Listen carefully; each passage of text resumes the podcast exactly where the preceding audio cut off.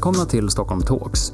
Nu bjuder fastighetsägarna in till samtal om Stockholms framtid. Vi tror det behövs en arena för diskussionen om var den här staden är på väg. Hur rustade är stockholmarna och hur rustade är Stockholm som stad för allting som kommer att hända framöver? Vilka är våra möjligheter och utmaningar? Och inte minst, vad gör stockholmarna glada? Vad gör att våra besökare vill återvända? Du är välkommen att lyssna, men du är också precis lika välkommen att delta i det samtalet som alla stockholmare behöver vara med i. Välkomna till ett nytt avsnitt av podden Stockholm Talks, Fastighetsägarna Stockholms eh, podcast om, ska vi säga, ett föränderligt Stockholm, stadsutveckling och eh, vad det egentligen ska bli av den här staden, särskilt efter den spännande tiden vi har varit igenom de, eh, de senaste åren. Idag är jag väldigt glad att vi har med oss Tobias Olsson som är förbundsdirektör på Sveriges arkitekter. Jag kunde inte låta bli att när jag googlade lite grann på dig hitta pressmeddelandet från när du tillträdde som förbundsdirektör. Och där står det att du skulle hitta nya konstruktiva samarbeten med byggherrar, fastighetsägare och kommuner. Så det och mycket annat ska vi prata om idag. Välkommen hit. Tack så jättemycket. Om man eh, inte känner till Sveriges arkitekter från, eh, från början och liksom kort ska beskriva det, vilka är ni?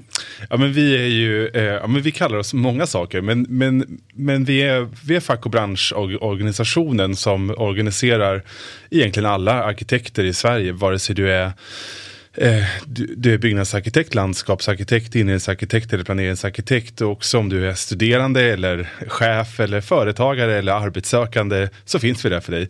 Eh, och vi, vi organiserar ungefär 92 procent av alla som som kan vara med i vårt förbund mm. eh, i, idag. Och också ett SACO-förbund, men vi jobbar också som sagt och hjälper dig som företagare att driva företag också. Så vi har ett allt möjligt.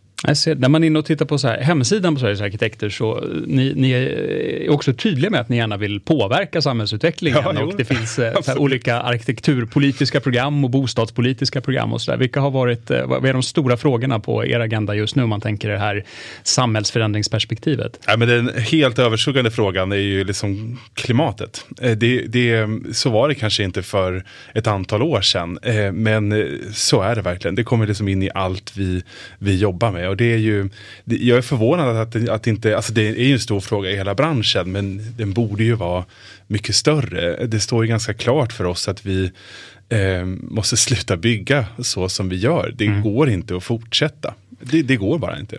Jag hade för, I den här serien för några avsnitt sen så hade vi med oss eh, Stockholms stads skyfallsstrateg. Mm. Och eh, apropå titlar man inte kände till för ett antal år sedan. Men det, det, var ett spännande samtal som just handlade om det här att vi kommer att se ganska mycket fysiska förändringar av hur vi behöver bygga våra städer. Det, du ser samma, samma situation då låter det som. Ja, alltså en sak är ju klimatanpassning och, och liksom att eh, och det kommer ju komma jätte mycket och är ju redan en stor, precis som du säger, mm. en titel man inte visste fanns mm. för några år sedan. Men det är också eh, att nu kommer klimatdeklarationerna här i januari. Eh, tyvärr då är alldeles för icke-omfattande och utan eh, liksom med lite fjösiga krav och det kostar ingenting än så länge. Men vi kommer ju dit. Mm. Eh, och, vår ingång är ju att själva nyproduktionen som, som vi känner den behöver ju förändras i, i grunden. Mm. Eh, dis diskussionen vi har om 50 000 nya bostäder för att eh, lösa bostadsbristen. Den kunde man föra liksom innan innan liksom klimatkrisen på något mm. sätt. Nu blir den apart. Mm. Det är självklart så att vi måste lösa bostadsbristen och jag ser verkligen framför mig att vi kommer fortsätta att bygga nya bostäder. Men lösningen behöver be behöver ju finnas i, ja men i bostadspolitikens del handlar det jättemycket om fördelningspolitik mm. och an, andra sorts politiska åtgärder. Men också att komma till rätta med, liksom, med hur vi faktiskt bygger nytt idag. Det mm. och hur vi tar hand om det befintliga beståndet också. Så Verkligen. Säger ja, men här, jätteviktigt. Från fastighetsägarna. Ja men, ja, men det är precis, för det är det som redan finns där. Och det befintliga beståndet kommer ju liksom öka i värde så himla mycket mer. Mm. När det kommer kosta betydligt mycket mer att också bygga nytt, att, till, att tillföra nya kvadratmeter. Mm. Och då blir också liksom kulturmiljöfrågan oerhört viktig. Så klimatkrisen jämte kulturmiljöfrågan ska jag säga är eh, de största frågorna mm. just nu. Det känns på ett sätt lite konstigt, men jag tänker ändå göra det med den inflygningen som vi gjorde nu, så, så känns det ju som när du är här, man kan inte låta bli att lyfta lite grann det är mycket fokus ändå i debatten ja. på det som byggs nytt och på, ja, men på arkitektur egentligen. Om jag säger så här, att de senaste åren så har en del så här arkitekturfrågor blivit så stora samhällsdebatter, inte minst i Stockholms stad. Mm. Håller du med om den bilden? Ja, har det varit så? Absolut, nej men så har det. Det har ju varit en helt annan diskussion de här, de här, de här åren som har varit. Och det, det, det kanske liksom är helt logiskt också med tanke på att vi eh, ja, men för, om vi backar bandet några år till så fanns det heller liksom ingen nationell politik. Det var liksom dött, det fanns ingen hashtag på, eh, på sociala medier. Det var liksom, frågan var liksom lite död, den behövde liksom väckas till liv. Och vi har jobbat hårt med att väcka den till liv. Och sen mm. har det liksom, nu är kanske lite väl mycket liv i lådan istället. Då. Men, men det är ju det är fantastiskt att arkitektur diskuteras så flitigt. Och det är ju helt tydligt att det väcker väldigt mycket känslor. Mm. Men, eh, men det här är liksom lite far efter det är ju egentligen så här, väcker det mer känslor idag än vad det har gjort historiskt? För man kan ju få en känsla av att så här, ja, men folk är nästan besatta ibland utav mm. utformning. Om man tar diskussionerna som var kring Nobelcenter eller mm. diskussionerna kring liksom nya, eh, alltså nya Liljevalchs och så vidare. Att det, finns, det finns ett engagemang och det finns en, ett intresse och det, ibland att det provocerar. Och så får man en känsla av att det där har blivit så. Eller har det alltid, har folk alltid haft så här starka åsikter om arkitektur? Skulle du säga? Ja, ja, men jag skulle nog säga att folk Ja men både ja och nej. Man har ju alltid haft starka åsikter om arkitektur precis som man har haft om, om annat som är så påtagligt i sitt liv eller om, om andra konstformer eller hur, hur, hur, man nu vill, vill dra det. Men det som är skillnaden nu mot förr är väl att man har så himla många olika sätt att uttrycka sig och liksom mm. att, att komma fram med sin åsikt. Jag, för länge sedan, eh, för flera jobb sedan, så var jag med och startade det här, här Jimby-nätverket i Stockholm. Liksom. Mm. Och det, det var ju som en, det var ju som en en game changer. Liksom att, att man helt plötsligt kunde organisera sig digitalt och tycka till om saker. Och, få, och det, det är precis det som har hänt. Jag, vi som konsumenter också, som vi mm. har blivit i stor utsträckning, är, är också väldigt vana att tycka till och, och göra val och bestämma. Vi kan skräddarsy så mycket saker och vi är vana att komma till tals och tycka till och vi mm. lever i en avancerad demokrati och allt är bra. Och sen är plötsligt så kan man då inte tycka till om det dyker upp ett hus som man tycker är fult, så det har inte jag beställt. Och dessutom då har det dykt upp väldigt många hus på väldigt mm. många platser de senaste 20 åren. Eh, så att här, här finns det ju, det finns forum för det och man förväntar sig mm. att vara delaktig i den, mm. den debatten på ett annat sätt. Och det tycker jag i grunden är jättebra. Samtidigt så är det ju så här, vi, vi firade 150 år Fastighetsägarna Stockholm för, ja. Eh, för ett par år sedan. Eh, och eh, gav då ut en så jubileumsbok och tittade på så här, hur har Stockholms utvecklats under de här 150 åren. Och då fanns det, jag fastnade för en väldigt rolig beskrivning som handlade om när hela, alltså man bebyggde Malmarna egentligen. Och så, så här var ju då Östermalmskvarteren som det var beskrivet och sen så var det någon insändare tror jag i typ Svenska Dagbladet eller något från den här tiden. När man beskrev den här fruktansvärda fyrkantiga kvarteren och de här hemska lådorna som placerades liksom i räta linjer till skillnad från Gamla stans vindlande kvarter och mysiga stad ungefär. Och då kände jag så här, men det kanske bara går i cirklar, att vi, vi liksom alltid drömmer oss tillbaka då lite grann till hur det borde se ut, eller? Jo, men lite grann, det ligger väl någonting i det. Att eh, det om du tog upp Liljevalchs, den första Liljevalchs var ju också utskälld på sin tur när den mm. var ny. Eh, och nu så tycker man att den nya ska se ut som den gamla, för den är ju fin, men den gillar man ju inte från början. Eller mm. det finns ju också det här gamla slitna exempel med Stadshuset som folk tyckte såg bedrövligt ut, som mm. kanske är stans mest älskade byggnad. Så det är klart att det finns, det, det går lite i cirklar. En stor skillnad tror jag mot eh, dagens eh, nyproduktion och kanske hur det var för hundra år sedan, det är ju att eh, det finns ju ändå jag, jag, tänker att det man gillar med det gamla, det, det behöver inte vara liksom, det är inte kanske burspråket alltid, eller mm. just den där sortens spröjsindelning, eller att det är eh, alltså de här detaljerna som tillhör en viss stil, utan jag jag tänker att det man tycker om framförallt det är ju de här högkvalitativa materialen som man mm. har använt. Alltså det är riktiga de material. Håller över tid på de håller över tid. Mm. Det, är liksom, det är putsade stensocklar, det är fint handslaget tegel, det är riktiga träfönster, det är riktiga mm. spröjs, det är mm. som sitter på.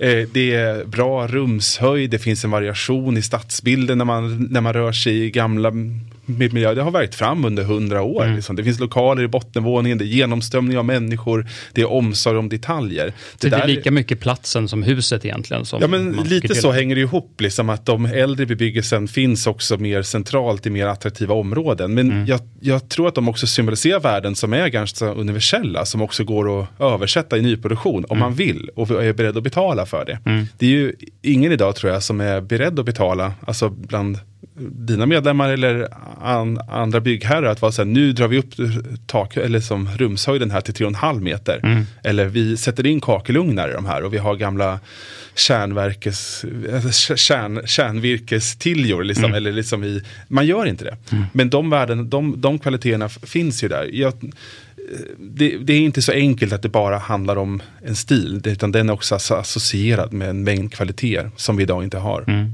Om man tänker det, det du liksom nosar lite grann på där, att om, om en som byggare eller som fastighetsägare ska, ska då eh, bygga ett nytt hus eller liksom vara en del i en utveckling någonstans. Mm.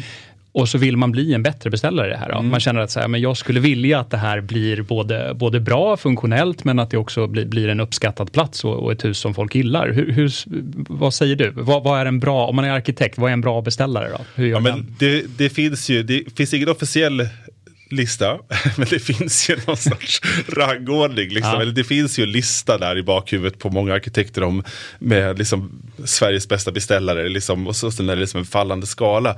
Och nummer ett är väl liksom alltid så här Svenska kyrkan. Liksom. Okay, som bra eller dålig? Jättebra. Okay. För de är så otroligt långsiktiga. Mm. Och, och, och det är väl just den där långa sikten. Och att man, liksom, man, man räknar med att och stick around for, liksom mm. för en bra tid framöver. Och, och, man är väldigt långsiktig i sitt tänk och sina investeringar och därmed också i sina beställningar. Det är ju det är som, som någon sa så här att, eh, att Svenska kyrkan hade det var något, något, något projekt i Lund som eh, som jag var och lyssnade på om som var så här, nej men vi tänker att vårt tidsperspektiv här Ja, egentligen är det ju oändligheten, men låt oss säga tusen år. Mm. Och det är liksom med det perspektivet man, man går in och investerar sina pengar. Nu förstår jag att det är, det är svårt att göra, för, men det är också därför de är på nummer ett, liksom, för, mm. att, för att Svenska kyrkan är så långsiktig. Så jag, jag tänker att den långsiktiga det är punkt ett. Liksom. Det, är, det, är, det är punkt ett, liksom. Mm. för då är, då är man med, man, man säkerställer liksom långsiktiga intressen på platsen, mm. man, vill, man vårdar sitt varumärke, man, gör, man tar inte så många genvägar i i början. För mm. det är mm. liksom, man ska inte bara, man ska bara inte få upp något och sen kränga det och sticka. Liksom, mm. vet, utan man är med långsiktigt. Mm. Det, det, tänker jag är den viktigaste biten. Så det kan man ju det, det tror jag många kan känna igen sig också av, av, av, som är till exempel medlemmar i Fastighetsägarna. För ibland så kan man ju fundera på det här, vad är långsiktighet? Och så här, vad i det vi gör i samhället idag är långsiktigt på riktigt? Men det är klart, mm. att bygga och förvalta ett hus är ju på ett sätt bland det mest långsiktiga vi håller på med. Det är väldigt få andra projekt som man liksom startar som ändå har en horisont på, där ska hålla minst i 150 år. Mm. Så att, eh, det där kanske man borde prata mer om då, egentligen. Vad, hur det påverkar hur, man ska, hur det ska se ut också. Ja men verkligen, för att det, det som jag tänker kommer hända också, alltså ni som äger fastigheter, eh, ni kommer ju också förvalta de fastigheterna. Alltså, om, om vi inte kommer bygga nytt i lika stor utsträckning så är liksom det befintliga fastighetsbeståndet blir ju än mer strategiskt. Mm. Eh, att, eh, att vidareutveckla hela tiden, att utveckla, att bygga till, att bygga om. Och det är ju, det är ju egentligen det, det traditionella arkitektyrket har ju varit att eh, utgå från befintliga fastigheter bygga om, bygga till. Mm. Eh, och det, det, det, är så man har jobbat. Sen kom sen kom 1900-talet, ah. liksom hela den här liksom parentesen. Mm. Men som egentligen ju är en liten av en fossil parentes. Som, mm. Mm. Eh, och som vi inte kommer, alltså så kommer det inte se ut framöver. Mm. Så det, den traditionella relationen mellan fastighetsägare eller byggherre och arkitekt, den handlar ju om att ta, ta vara på det bestånd som finns och utveckla det. Men, men det låter ändå som att du är hyfsat positiv om jag tänker så här att du efterlyser långsiktigheten i de här beställningarna och du beskriver samtidigt en, ett annat synsätt kopplat till klimatkris och annat. Att det perspektivet kanske kommer med automatik leda till att långsiktighet får en större plats. Jag tror ju det faktiskt. Alltså slit och släng är ju liksom lite över. Mm. Det är också så hur vi, när vi väl bygger nytt idag så kan vi ju inte ens ta hand om det vi bygger. Det går ju nästan inte att demontera och återbruka en ny byggnad om mm. man jämför med en gammal byggnad. Så det är mycket som är så, så snett. Det är liksom eh, vi, vi måste göra en reboot liksom, mm. på hela den här branschen. Och där, där är ju långsiktigheten en, en viktig parameter. Eller så här, ett, ett lågt kol, koldioxidutsläpp är mm. det som kommer Exakt. vara. Men de hänger ihop i mm. väldigt stor utsträckning. Och där hoppas vi att, att, att byggherren och arkitekten eh, kommer att hitta varandra även i mm. de frågorna. Liksom. Jag var iväg på en konferens veckan där jag skulle prata om om just det befintliga beståndet kopplat till liksom hållbart byggande och sådär och, och någon perspektiv från fastighetsägarna. Och då så skulle jag lägga upp en bild på liksom ett, ett riktigt hållbart eh, hus. Eh, och då kunde inte jag låta bli att liksom provocera lite så jag la upp en bild på, på ett kvarter i Gamla stan. Mm, och, och, och, min poäng var ju så här, det finns, någon, det finns någonting i de här husen. Det är klart, de vinner inte energieffektiviseringstävlingen Nej. kanske, eller liksom får bäst betyg i deklarationen. Men det, det finns ju det finns en flexibilitet som uppenbarligen har funkat i de där kåkarna. Alltså att, i att kunna användas över olika tider, klarat samhällstrender, varit allt ifrån liksom verkstäder till bostäder till restauranger. Alltså det allt har funnits i de där husen. Mm. Eh, vil, vilka 1900-talshus klarar det idag? Nej men du, du, du har ju helt rätt. Och det, det är ju, vi måste ju liksom sluta tänka att vi liksom kan bygga oss ur klimatkrisen. Eller liksom det, det kommer inte funka utan eh, det hållbara huset är ju det som står. Där har ju energiuttaget redan gjorts. Eh, och förvaltningsperspektivet är viktigt. Där har vi blivit jätte har vi jobbat med väldigt länge mm. innan mm. klimatkrisen kom. Mm. Eh, och eh, ja, just nu har vi ju fjärrvärme då i stor del av, av, av Stockholm som löser det. Sen är kanske fjärrvärmen kanske behöver bort på sikt för att vi ska väl inte ha restavfall att elda är väl tanken. Nej, du tänker att det löser sig. Så, att det blir, så. så då måste man ju hitta ny eh, uppvärmning mm. där. Men det, mm. det ligger lite längre fram i tiden, det tror jag vi löser. Jag tänkte vi skulle bara så blicka ut lite grann. Den här podden heter ju Stockholm Talk, så det är klart, mm. vi är fastighetsägarna Stockholm, så vi, vi, har fokus på utvecklingen i den här regionen. Men när du tittar ut lite grann, vad, vad, vad finns det för städer vi kan lära oss av i, i de här perspektiven vi har pratat om? Och anledningen till att jag ställer frågan är att rätt eller fel, så får jag ibland en känsla och det kanske är för att jag inte är urstockholmare själv. Men att det finns en ganska här, konservativ syn, eller på något sätt så att Stockholm är, färdig, det är färdigt. Det, det som ska vara som det alltid har varit. Liksom. Men eh, ja, är, har vi modern och eh, framtidsinriktad arkitektur som eh, vi ska vara stolta över internationellt, eller borde vi lära oss mer någon annanstans ifrån? Nej men jag tycker ju generellt att, att Stockholm är ju i grunden det som en bra arkitekturstad eller hur man nu ska kalla det då. Det är ju man har ju en lång historia av väldigt kloka beslut och bra arkitektur. Det är, det är väldigt hög lägstanivå om man ska, mm. ska uttrycka det så i, i, i, i Stockholm. Vi ser ju, vi gör ju faktiskt en mätning varje år som heter Årets arkitekturkommun som vi gör tillsammans med HSB och där, där är det ju en mängd statistik från SCB men det är också intervjuer med, eller enkäter med våra, med våra medlemmar där de får bedöma bland annat ar arbetsklimatet i olika kommuner. Och det här är då arkitekterna på privat sektor men också i kommunal sektor. Eh, och där ham ham hamnar ju Stockholm inte speciellt högst. De mm. har ju nästan aldrig tror jag varit på 10 topp. Eh, Vad behöver de göra för att komma upp på listan? Ja, det har vi faktiskt. Det har jag, det, jag, ja, det, det, jag vet ju det ganska exakt mm. eftersom vi har det här mm. indexet. Men nu hade jag inte det framme just nu. Men, men en sak som jag kommer ihåg det, det var just att diskussionsklimatet och arbetsklimatet inte är så himla bra. Mm. Eh, de städer som har hamnat bra i det här indexet, det är till exempel Örebro har ju varit på prispallen varje gång sedan vi startade. De har vunnit en gång och sen har de varit två eller trea och, liksom mm. och flexat. Nu är det Karlstad som har vunnit. Eh, både i år och förra året. Men också Skellefteå kom på prispallen i år. Så det, det, är ju inte de stora kommunerna. Men även mm. Malmö har varit där. Men inte Göteborg och inte, och inte Stockholm mm. till exempel. Men generellt så, tänk, så, så tänker jag i, i klimatfrågan och i mycket annat. Så, som vanligt så har man mycket att lära av Malmö. Liksom. Mm. Eh, det, det, är mycket som händer där i det här eh, eh, LFM 30 då, eller nej, FLM 30, färd, lokal färdplan Malmö 30. Just det, så heter det. Eh, och deras egenpåtagen ambition då att, eh, att klara av biffen redan till, till 2030. Och hur hela liksom, hur, hur, hur kommunen är med och, och driver tillsammans med näringslivet, fastighetsägare, utvecklare och annat. Det, det är en stor förebild tycker jag i, mm. i branschen. Men, men, men, Stockholm står sig väl. Det går ju upp och ner, man byter ju politik ungefär också var fjärde år. Det, mm. det märks ju också. Vi har ju till exempel olika arkitekttävlingar som har varit eh, också omdiskuterat där, där, där det är många tävlingar som inte blir av i Stockholm.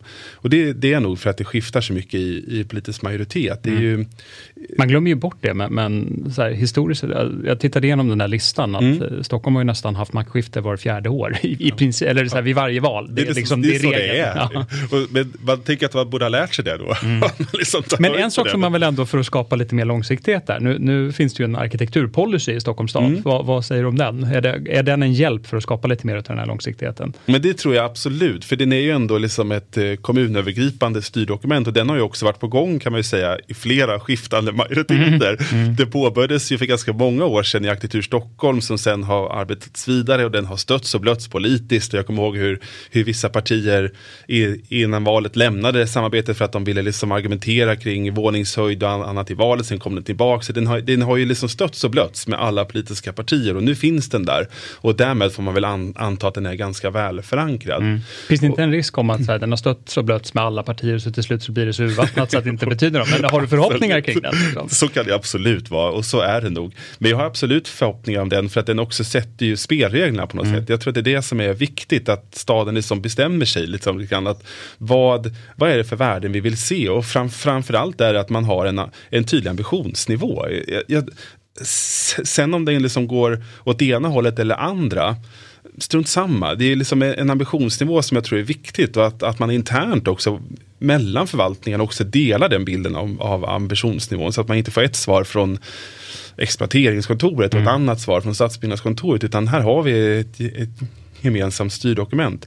Den är också den tar ju också tillbaks den här gamla byggnadsordningen då, som var borttagen i ett antal år som, mm. inte, som inte fanns. Så det, det kan man ha verkligen ha olika åsikter om men jag tänker att den ändå ger ett större lugn liksom, över vad, vad det är som eh, vad det är som gäller. Men för det där blir väl lite andra sidan av det. För att du, vi började lite grann i det här resonemanget om långsiktighet när man vill bygga någonting. Men den, den, kan man ju vända på och säga att långsiktighet i spelreglerna är ju en förutsättning för att själv kunna ha höga ambitioner om man ja. då är liksom den som, som vill sätta något i backen. Ja men verkligen, man vill speciellt då när majoriteten skiftar mm. var fjärde mm. år så vill man ju, och, och det vet man att en, att en en stadsbyggnadsprocess kan ta längre tid än så. Mm. så det är ju, jag tror att det är jätteviktigt för alla att det inte är så stort, eh, att det inte är så stora om, omsvängningar. Liksom. Mm. Den stora omsvängningen i Stockholm kommer ju handla om, återigen, klimatet mm. eh, och hur, hur, hur man tacklar det. Jag tänkte vi skulle liksom börja runda av lite grann det jag lova, utlovade i början mm. med, med det här eh, som du pekade på när du började på, på jobbet då med konstruktiva det. samarbeten med, med byggherrar och fastighetsägare och kommuner. Har mm. det, nu har det ju varit sedan 2014 är det va, om jag minns rätt? Ja, det stämmer nog. Eh, har det, jag ska inte liksom eh, korsförhöra dig på vilka samarbeten som har kommit igång, men om du gör liksom en, en känsla, är det skillnad idag i den typen av konstruktivitet mellan de här grupperna jämfört med vad det var 2014? Ja, men det tycker jag verkligen på många sätt. det är ju, och återigen så är också klimatet en, en, en, sån, en sån sak som gör samarbetet mer, mer konstruktivt. Men det har ju hänt mycket i politiken under den här tiden. Eh, och jag tror också att det har hänt, hänt mycket i hur man ser på arkitektens kompetens och vad den faktiskt kan bidra med. Det är ju faktiskt så att i svensk lagstiftning har vi liksom, det är ju ingenstans i svensk lagstiftning som, som, som säger att, man, att någon aktör någon gång behöver använda en arkitekt. Allting är ju helt baserat på frivillig basis. Mm. Det enda mm. som står är ju då att byggnadsnämnden ska ha tillgång till arkitektkompetens när de gör bedömningar. Mm. Det är det enda. Så att vi skulle ju kunna ha liksom 300 arkitekter i Sverige and that's it, liksom, för det, enligt lagstiftning. Men så är det ju inte, utan vi har ju väldigt många arkitekter i, i Sverige, också per capita om man jämför med, med våra nordiska länder och i Europa. Så det finns ju någonting där i, i samarbetet mellan byggherrar, beställare, fastighetsägare och så vidare och arkitekter som ändå funkar väldigt mm. bra.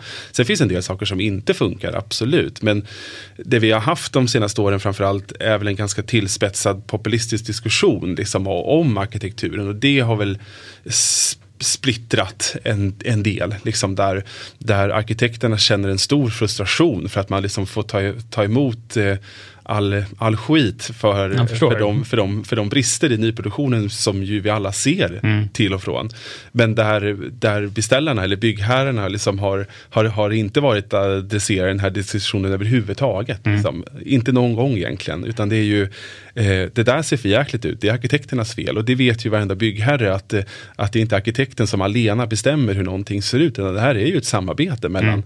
arkitekten och den som betalar, beställaren, som såklart bestämmer vad det är man vill ha ut på den här platsen. Men lika mycket förstås, det vi var inne på, politikerna i staden och mm. hur, hur byggrätten ser ut, hur, hur arkitekturpolicyn ser ut, vad det är man kan göra på platsen. Så här, här finns väl en väldig frustration mellan arkitekter och byggherrar och kommun. Just att eh, någon fick ha på sig skämshatten här hela tiden och det var arkitekterna som mm. hela tiden blev utpekade och, och i, ett, i, ett, i ett hörn. Medan vi, vi är fler som Eh, Behöver dela både på stoltheten och skammen låter det som. Exakt så. Ja, men exakt så. När det blir bra, för jag menar, bra arkitektur kräver ju också mycket mer än bra arkitekter. Mm. Det blir ju inte mm. till utan en bra beställare och en mm. bra beställning. Så är det. Eh, och våra arkitekturpriser, de delar vi alltid ut, liksom, mm. både beställare och till arkitekterna. Det är så mm. viktigt. Men när skampålen kommer fram, då, då, då, då surras arkitekterna där själva. Liksom. Mm. och det skapar ju frustration, som du förstår. Jag tänkte ställa en sista fråga. Så här. Du, du var inne på för en stund sedan att eh, liksom god arkitektur, det är inte bara det här huset och det är inte liksom de spröjsade fönstren eller vad man nu vill välja, Nej. utan att det är helheten av hur mm. fungerar den här platsen och mm. vad är det för bottenvåningsliv och vad är det för liksom känsla. Kan du komma på något, om du skulle välja en plats i Stockholm med, med kanske inte helt nyproduktion men som ändå är en hyfsat modern plats där man har fått till det här. Kan vad, är, vad är tipset? Var ska man gå för att få, här har man lyckats? Och hyfsat modern, det var ju svårt. Ja, du får välja själv vad det är. men, men, jag tänker så att du, du får inte välja liksom Gamla stan. Nej, så, jag fattar. Nej, men det var så, innan vi satte igång här så, så, så sa jag just att jag flyttat ut till, eh, till Enskede i den här föräldraledighetsbubblan som blev en coronabubbla. Mm. Jag har inte rört mig så mycket på sistone. Men, men det, det första jag kom att tänka på var ju Triangelparken i, i Gamla Enskede. Mm. Eh, det är inte Gamla stan, men Gamla Nej, Enskede som är otroligt bra på så många sätt med eh, både lokaler, en bra, en bra genomströmning, bra parkmiljöer, eh, en, en blandning av enstaka hus och flerbostadshus. Och, ja, det, är bara, det är bara så fint. Eh, men jag tänker att jag borde komma på en mycket nyare plats så här på rak arm. Ehm, Och det gör jag inte, det var ju pinsamt. Men det, det, så här, det, jag brukar själv tänka ibland på den här diskussionen som uppstår kring eh, att det har varit mycket liv nere vid eh, vad heter det, Hornsbergs strand. Ja, just det. Eh, det ju och så, så har det varit en diskussion om att så här, det är mycket liv och det absolut har funnits seriösa ordningsproblem och annat som har varit så. Men, men samtidigt har jag tänkt så här, wow, det här är ändå en plats som är ny på ett sätt och som folk tar sig till trots att man varken bor eller jobbar där. Mm. Och så många sådana nya platser, det var länge sedan det kom en sån i Stockholm. Så ja, någonting rätt måste det ha blivit också. Det var ju en jättebra plats, jag tänkte på den förut.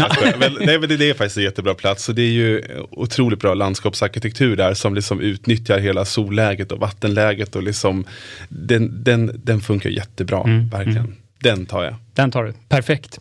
Men stort tack Tobias för att du ville komma hit. Det känns som vi skulle kunna fortsätta länge, men eh, vi hoppas på fortsatt eh, gott samarbete och kreativa diskussioner mellan de här olika grupperna som är viktiga för att få till attraktiva platser. Verkligen. Tack så jättemycket. Det var jättekul. Tack.